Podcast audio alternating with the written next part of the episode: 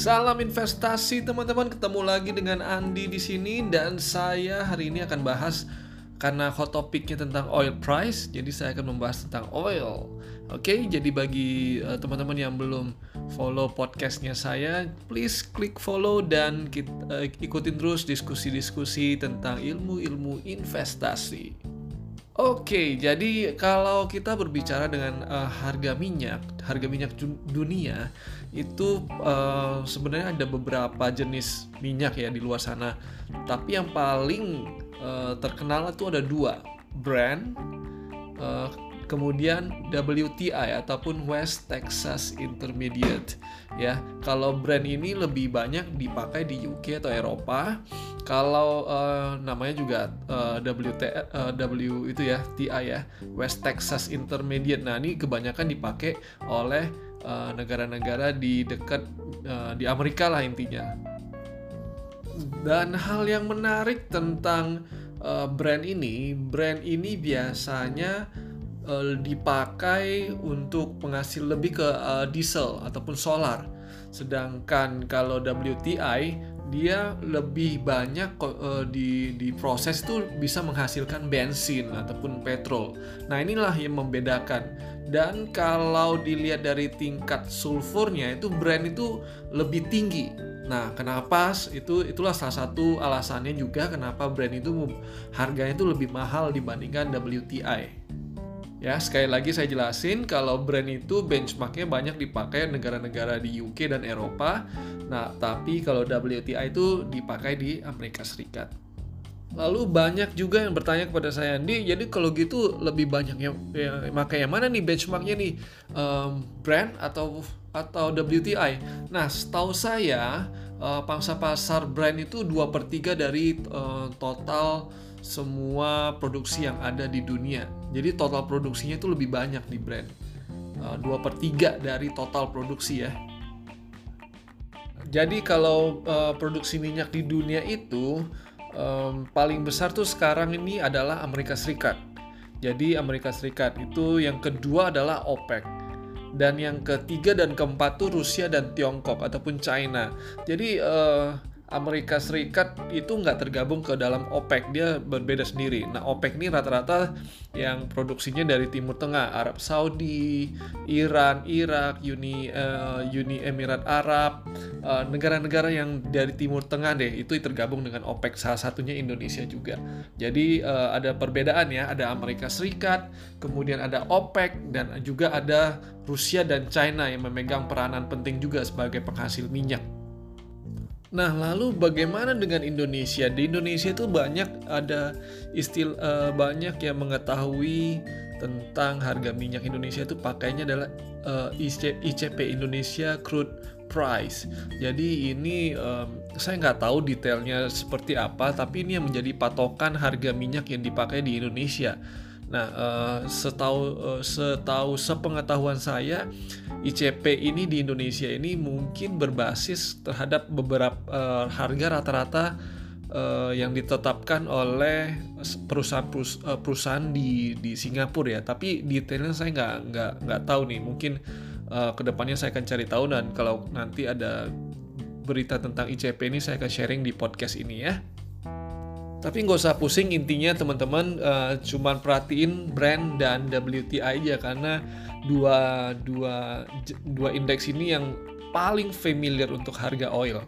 Nah, terkait dengan kejadian yang uh, dua hari ini yang menarik untuk saya bahas terkait dengan kenapa harga minyak ini kok bisa turun sampai minus 40 uh, eh, dolar per barrel ya untuk WTI itu posisinya minus 38 hampir 40 dolar teman-teman. Bayangkan harga minyak gimana e, caranya bisa minus? Dengan kata lain apa? Orang ingin buy e, orang biasa beli barang e, harus keluarin uang kan? Ini teman-teman gak usah dikasih barangnya uangnya gak usah di, e, gak usah gak usah kasih gak usah beli gitu. Dikasih otomatis. Nah menurut saya begini, harga yang uh, minus 40 itu 40 US per barrel itu terkait dengan harga kontrak yang akan jatuh tempo pada bulan Mei. Jadi satu bulan setelahnya. Ya, jadi menariknya adalah kalau harga-harga minyak itu ada uh, yang satu bulan, kontrak yang satu bulan, nah itu dipakai harga acuannya. Jadi ada yang uh, tiga bulan, ada yang enam bulan, bahkan ada yang setahun. Jadi beda-beda. Nah, uh, nah ini yang 40 dolar dolar ini yang turun sampai minus ini itu adalah uh, harga minyak yang kontraknya itu satu bulan yang akan jatuh tempo di bulan Mei.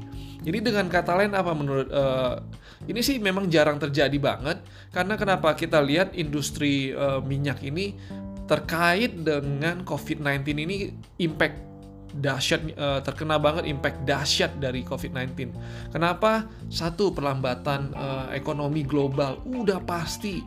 Kita lihat bahwa banyak maskapai-maskapai penerbangan sekarang udah mulai gulung tikar. Ya kan? Eh, baru-baru ini juga kita dengar uh, uh, ada maskapai Virgin Airlines uh, itu udah mulai ingin mengajukan restrukturisasi utang dan dia ingin pinjam dan dia udah PHK banyak ribuan karyawan.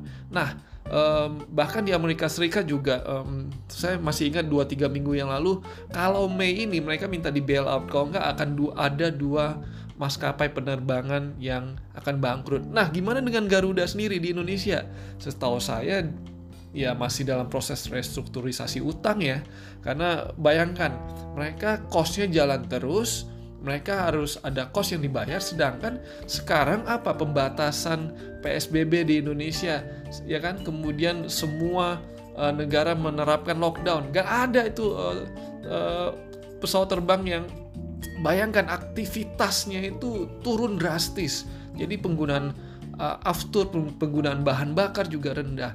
Kemudian di jalanan kita lihat di di Jakarta aja lenggang sekali. Ya beberapa tempat masih macet ya saya juga bingung kenapa. Tapi intinya apa? Orang dipaksa untuk mengurangi konsumsi dengan kata lain karena COVID-19 ini semua berstay at home, semua mengurangi uh, aktivitas dan semua konsumsi terkait oil juga berkurang. Akibatnya apa? Supply-nya masih uh, walaupun kemarin um, apa supply-nya sudah di-cut ya sedikit tapi nggak ngefek. Ternyata demand-nya itu jauh lebih dalam teman-teman. Uh, dalam banget sampai um, sekarang aja apa tempat penyimpanan oil ya kan salah satu yang jadi patokannya harga minyak WTI itu adalah tempat penyimpanan uh, oilnya. Gudangnya penyimpanan oil di Amerika Serikat itu udah hampir penuh juga jadi bayangkan kalau mereka produksi terus, produksi terus, produksi terus, ya gimana mau masukin ke, mau disimpan di kemanain? Oil ini kan bukan uh, bukan suatu benda yang gampang disimpan, butuh extra effort untuk menyimpan oil tersebut. Jadi dengan kata lain, oil yang sudah ada sekarang pengen dijual murah pun orang bingung, perusahaan nggak jalan, ya kan? Banyak perusahaan-perusahaan uh, ataupun pabrik-pabrik yang ditutup. Nah, hal-hal ini uh, memicu Eh, kenapa salah satu penyebab uh, terjadinya kok harga minyak bisa minus dan lain-lain. Nah, ke depannya gimana? Ke depannya ini kita menurut saya ini efek terhadap perusahaan-perusahaan yang bergerak di uh, bidang energi ya, di minyak bumi dan gas. Dan ini akan efeknya di dua dua sektor sektor migas. Jadi ini akan kena. Nah, bagusnya buat Indonesia sendiri sih karena kita pengimpor minyak paling ya semua BBM kita kita impor dari luar. Nah ini sedikit memberi ruang untuk Indonesia untuk bergerak sih. Uh, jadi ya pemerintah nggak perlu eh, nggak uh, perlu nggak subsidinya berkurang lah ibaratnya. Subsidinya berkurang untuk konsumsi minyak uh, bisa dipakai untuk kebutuhan yang lain. Contohnya untuk memberikan kebutuhan kebijakan fiskal memberikan BL bantuan langsung tunai uh, yang sifatnya ke real sektor. Nah, ini uh, sedikit Pertamina ya sedikit mempunyai ruang gerak yang uh, lumayan nih terkait dengan penurunan harga ini. Tapi uh, ke depannya ini jangan terlalu lama juga karena kenapa? Kalau harga minyaknya ini minus terus, ini menunjukkan bahwa nggak ada nggak ada pertumbuhan ekonomi, nggak ada aktivitas ekonomi yang dilakukan. Jadi gawat juga nih teman-teman. Dan banyak juga nih teman-teman yang tanya, lalu biasanya kalau harga minyak turun, komoditas yang lain juga turun dong seperti batu bara dan yang lain-lain. Ya kurang lebih seperti itu, tapi um, Indonesia ini kan banyak mengekspor batu bara ke China. Jadi uh, perusahaan-perusahaan ini nggak bisa serta-merta langsung, wah karena harga oilnya murah, ayo dong uh, ganti semua basic uh, base uh, apa bahan bakarnya ganti ke minyak nggak bisa langsung begitu. Jadi mereka nggak bisa serta merta langsung ganti ke minyak dan lain-lain. Mereka tetap akan konsumsi uh, batu bara dan uh, itulah yang membuat uh, sedikit uh, industri di Indonesia, ekonomi di ekspornya Indonesia itu semak, uh, sedikit naik lah kurang lebih ya terkait dan karena di China juga lockdownnya juga udah uh, udah udah selesai dan mereka sekarang aktivitas dari pabrik dan yang lain-lain sudah mulai jalan jadi ya batu bara tetap uh, tetap ada demandnya. Walaupun uh, ya ikut turun juga. Korelasinya biasanya tuh barengan. Jadi kalau harga minyak turun batu bara juga turun. Terbukti dengan harga saham-saham yang batu bara yang hari ini uh, contoh Adaro, ITMG dan lain-lain tuh turun juga hari ini.